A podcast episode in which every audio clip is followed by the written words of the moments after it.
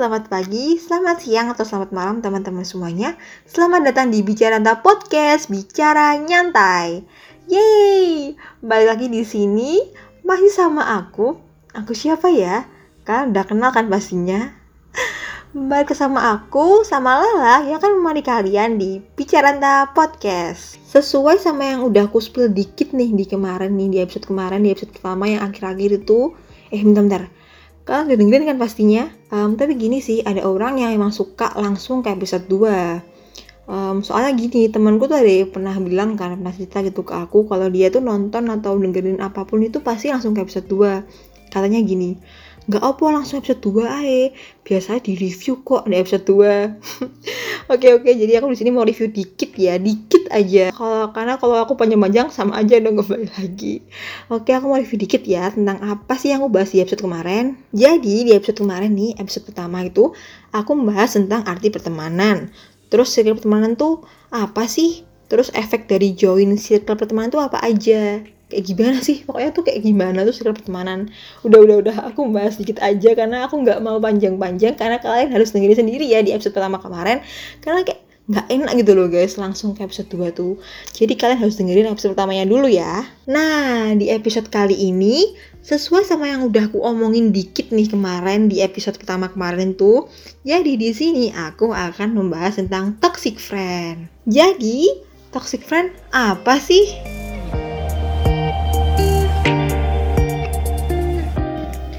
Zaman sekarang, memiliki banyak teman dan relasi dapat menjadi keuntungan tersendiri nih bagi beberapa kalangan masyarakat.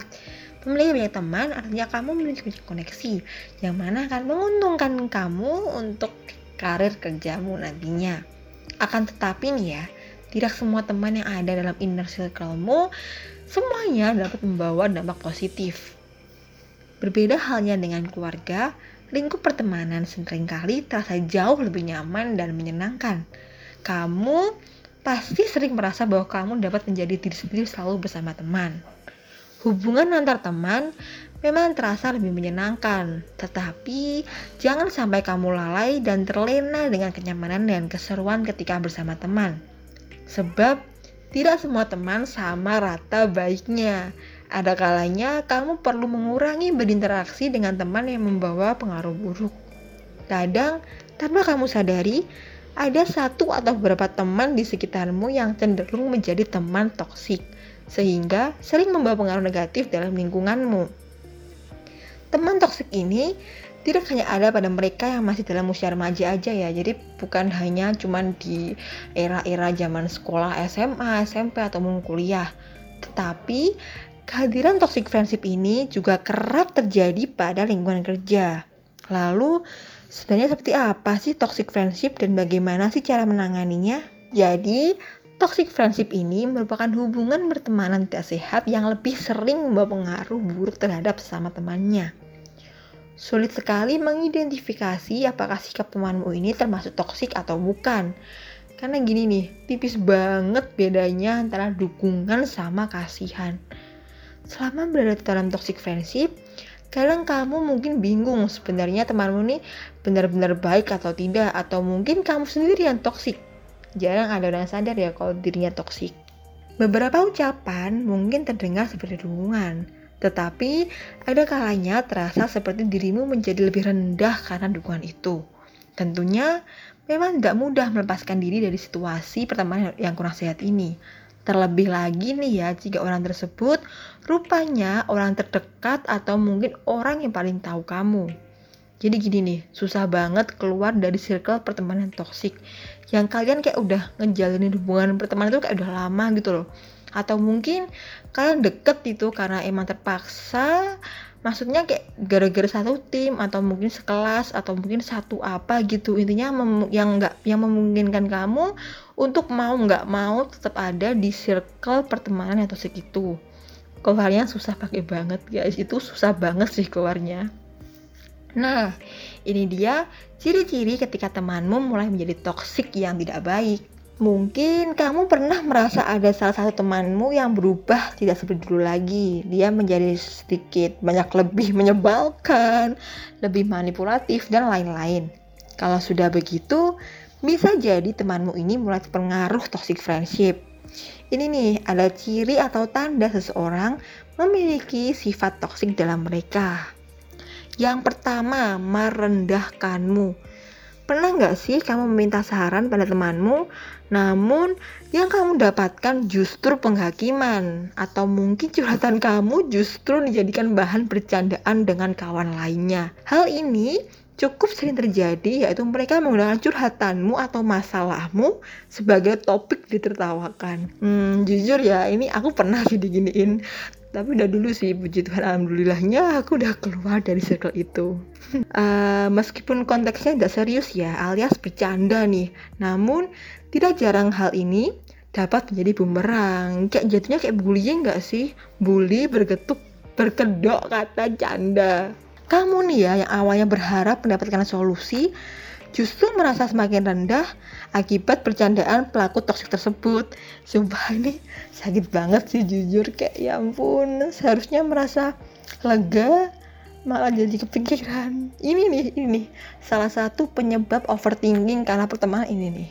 Um, baik perempuan maupun laki-laki, teman-teman toksik ini pasti gemar sekali bergosip sana sini. Mereka mungkin tidak peduli bahwa kabar yang mereka ceritakan itu nyata atau tidak mereka juga tidak akan repot-repot memikirkan perasaan orang yang sedang digosipkan. Ini adalah salah satu cara, salah satu sisi toksik yang menurutku sering terjadi sih. Cuman kayak ada beberapa tahapan gitu kayak, cuman gosipnya tuh kayak nggak separah itulah. Jika dalam satu atau dua kali tempo bergosip dengan tentang suatu masalah, mungkin itu hal yang biasa ya. Namun, ketika gosip mulai terbiasa tidak masuk akal, kamu perlu curiga nih bisa jadi nih ya temanmu ini memang hobi berceloteh gitu. Kayak asal ngopong asal jeplak tanpa memikirkan efeknya. Terkadang hal-hal sederhana yang kita lakukan ini bisa selalu menjadi bahan gosip para teman-teman toksik ini. Seolah-olah ya apa yang kita lakukan ke orang lain selalu salah dan memiliki celah tuh. Gitu kayak apa? Ya salah ya aku ngapain salah? Aku gini salah aku salah salah pokoknya menyebalkan lah yang ketiga nih, membuatmu tidak nyaman bahkan ketakutan. Jika kamu pernah merasa tidak nyaman bahkan ketakutan akan kehadiran teman-temanmu, bisa jadi mereka juga termasuk toxic people yang ada di sekitarmu. Membayangkan kehadirannya aja loh, kayak cuman bayangin aja tuh kayak kamu tuh pengen buru-buru kabur dan gak mau gitu ketemu. Hal ini bisa terjadi apabila kamu pernah mendapatkan pengalaman buruk dengan mereka atau perilaku mereka sering membuatmu tidak nyaman. Misalnya ya, seperti mengganggu kamu setiap kali kalian bersama. Kayak oh kayak hidupnya maksudku hidupnya ya guys. Hidupnya ganggu terus. Terus memberi tekanan-tekanan mental terhadap orang lain serta melakukan perbuatan yang merugikan. Yang keempat tidak tulus. Um, temanmu udah minta maaf ya tapi terasa nggak ikhlas kan saat saat mengucapkannya sebagai manusia yang perasa, kamu pasti bisa membedakan mana ungkapan yang tulus dari hati, mana yang cuma omong tok. Tuh kita perasa banget ya bedanya. Salah satu contoh dari teman toksik ini, sering kali mereka mengucapkan ungkapan yang tidak tulus, seperti meminta maaf yang tidak tulus, memaafkan dengan nada malas atau justru sengaja merendah untuk ditinggikan. Ini nih contohnya, contohnya gini wah aku belum sempat belajar nih. Nilaiku pasti tidak sebagus kamu. Padahal kenyataannya dia mendapatkan nilai yang hampir sempurna seolah-olah membuatmu menyadari bahwa kamu yang telah belajar giat saja tidak bisa mendapatkan nilai lebih tinggi darinya yang tidak belajar saat itu. Katanya sih nggak belajar padahal semalam ngebut belajar demi demi apa namanya demi dapat nilai bagus tapi ya kayak bohong gitu kayak berbohong gitulah pokoknya. Yang kelima menyakiti perasaan. Teman-teman yang toksik juga akan memiliki ribuan cara untuk membuatmu sadar bahwa dirinya lebih baik. Seringkali cara-cara mereka juga menyinggung perasaanmu atau lawan bicaranya. Tentu mereka sadar ketika melakukannya, namun mereka bodoh amat sih. Mereka nggak mau tahu seperti apa efek dari perkataannya. Bahkan ketika itu dapat melukai perasaan seseorang. Kayak gimana ya? Contohnya tuh kayak hal simpel lah. Kayak kalian itu dikatain sama teman kamu yang gini deh kalian jika sama teman kamu bawa bawa fisik atau keluarga itu kan sebenarnya kan kayak nggak nggak harus dibicarakan kan. Tapi itu dia malah ngomong gitu. Jadi kayak jatuhnya tuh kita sakit hati cuman gara-gara dianya kayak gitu jadi dia kayak bodo amat gitu bodo amat lah. Perasaanmu pi pokok aku seneng mana yang keenam suka membandingkan. Suka membanding-bandingkan teman satu dengan teman yang lainnya juga merupakan salah satu sifat toxic friend bisa jadi membandingkan dirinya lebih baik daripada kamu nih atau membandingkan kamu seolah-olah lebih baik daripada kawan lain. Padahal semua ucapannya itu tidak tulus dan semata-mata hanya untuk mendapatkan perhatianmu saja. Yang ketujuh nih, mengutamakan diri sendiri. Teman yang toksik ini juga paling peduli dengan dirinya sendiri, melebihi apa pun itu. Mereka mampu membuatmu atau kawan lainnya seolah-olah tidak lebih baik dari dia sendiri. Mereka juga tidak akan berpikir panjang untuk melakukan sesuatu demi keuntungannya sendiri tanpa memikirkan efeknya pada orang lain. Misalnya nih ya, para toxic friend ini tuh akan mengambil keuntungan dengan cara apa pun supaya karirnya baik. Bahkan dalam dunia kerja, Teman yang memiliki sifat toksik dia akan segan-segan mengikut kamu demi mendapatkan posisi yang dia inginkan. Tidak peduli seperti apa imbasnya untukmu. Yang ke-8, mencoba merubahmu. Dalam hal pertemanan, kamu mungkin pernah merasa menemukan teman baru yang ternyata sefrekuensi denganmu. Hal ini sangat bagus jika temanmu ini benar-benar dapat memahami tulus kepadamu. Tetapi, jika semakin mengenalnya, kamu merasa dia mulai suka mengatur nih. Ngajak melakukan hal-hal di luar prinsip yang kamu pegang dan dan mencoba merubahmu menjadi sosok yang berbeda. Maka kamu harus waspada terhadap orang-orang yang kayak gini. Kadang pun teman yang seru bisa berubah menjadi teman yang otoriter dan suka mengatur kamu untuk menjadi seperti yang mereka inginkan tujuannya nih ya tujuannya sebenarnya juga bukan demi kebaikan kamu melainkan untuk kepentingan mereka sendiri bahkan ketika beranjak dewasa pun tidak menutup kemungkinan kamu akan menemukan orang-orang seperti ini mereka mungkin saja memperkenalkan kepadamu dunia baru yang dianggap lebih menyenangkan namun jika untuk menuruti mereka harus membuatmu melanggar prinsip hidup yang telah kamu yakini selama ini, maka udah saatnya kamu untuk menjaga jarak dengannya. Yang kesembilan ini paling paling paling males sih. Yang kesembilan adalah manipulatif. Seseorang yang toksik bisa menjadi sangat amat manipulatif jika mereka menginginkan sesuatu. Mereka mampu mengungkapkan fitnah, memutarbalikkan fakta, serta memanipulasi keadaan. Ini ada contoh nih ya manipulatifnya. Demi mendapatkan perhatian teman, dia mampu mengatakan bahwa kamu lebih baik daripada teman lain ketika berada di hadapanmu. Tapi berkata sebaliknya ketika tidak bersamamu. Ya, sumpah ini yang paling sering yang paling sering terjadi di kehidupan sehari-hari adalah ini manipulatif sih. Sumpah ini sakit banget guys, jujur. Pelaku toksik ini juga gemar sekali playing victim tim memanipulasi seolah-olah dialah korban dalam suatu masalah. Padahal sebenarnya dialah nih penyebab munculnya masalah tersebut. Orang seperti ini juga pandai menggiring opini publik dan menempatkanmu dalam posisi yang salah duh sumpah aku kayak semangat banget kalau bahas manipulatif karena jujur aku juga pernah dimanipulasi. Ya ampun ini sakit banget sumpah. Seseorang teman seharusnya menjadi tempat yang paling nyaman dan membuat kamu bisa menjadi diri sendiri. Pertemanan yang sehat adalah mereka yang selalu memberikan pengaruh baik dan selalu mendukungmu di saat sedang bahagia maupun sedih. Serta akan senantiasa mengingatkan atau memarahi kamu ketika kamu berbuat salah. Akan tetapi Para teman toksik ini tidak akan berlaku demikian. Mereka hanya akan ada ketika kamu sedang bahagia dan menghilang ketika kamu membutuhkannya.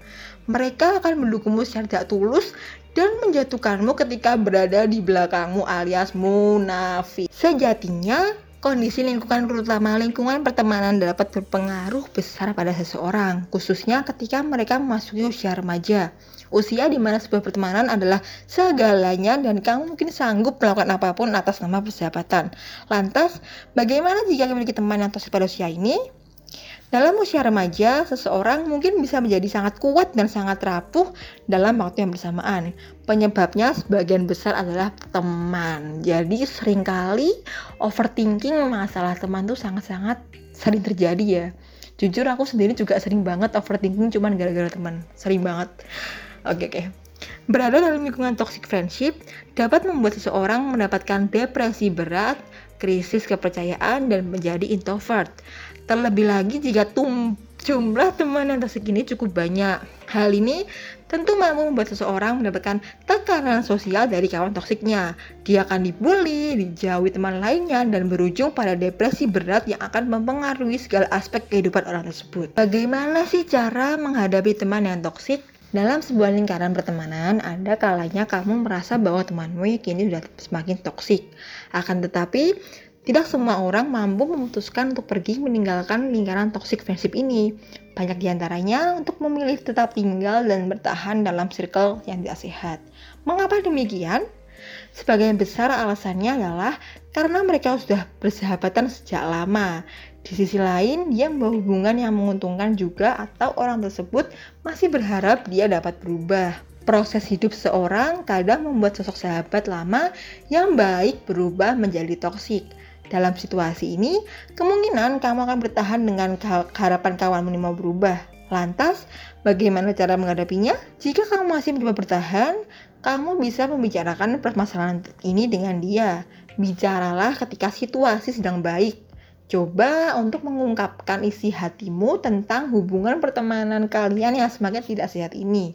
Jika setelah mencoba beberapa kali tetapi usahamu belum membuahkan hasil, atau justru memperparah situasi, maka saat itulah kamu harus menyerah dan memutuskan pergi jika sudah lelah dengan toxic friendship. Pada situasi tertentu, toxic friendship juga dapat membuat seseorang bertahan sebab mereka memiliki hubungan yang menguntungkan. Misalnya nih ya, dalam lingkup pekerjaan, kamu mungkin sebenarnya tidak tahan dengan sikap toxic teman kerja.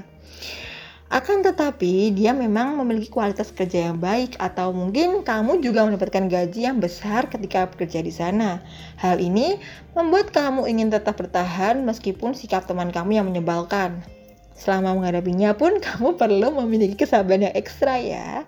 Jika dirasa sudah keterlaluan, kamu dapat membicarakannya baik-baik tapi jika sudah tidak ada harapan, maka kamu lebih baik pergi dari lingkungan tersebut. Sebagai teman, kamu hanya bisa menyarankan dan mengingatkan.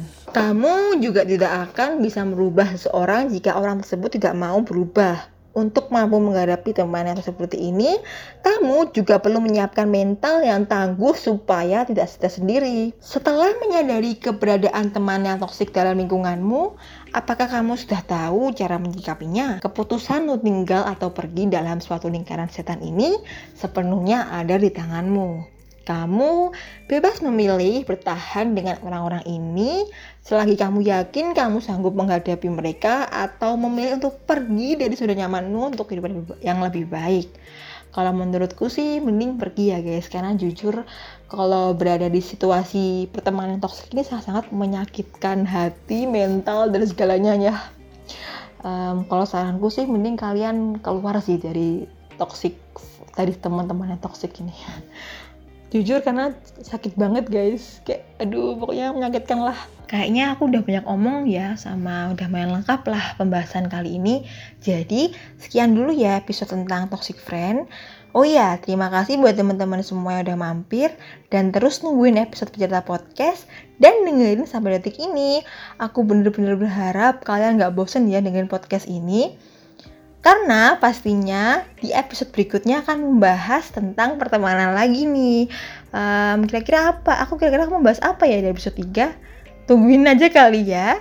Oke, jadi aku Lala pamit tidur diri. Sampai jumpa di episode berikutnya ya. Stay tune in Bicara Podcast hanya di Spotify. Bye-bye.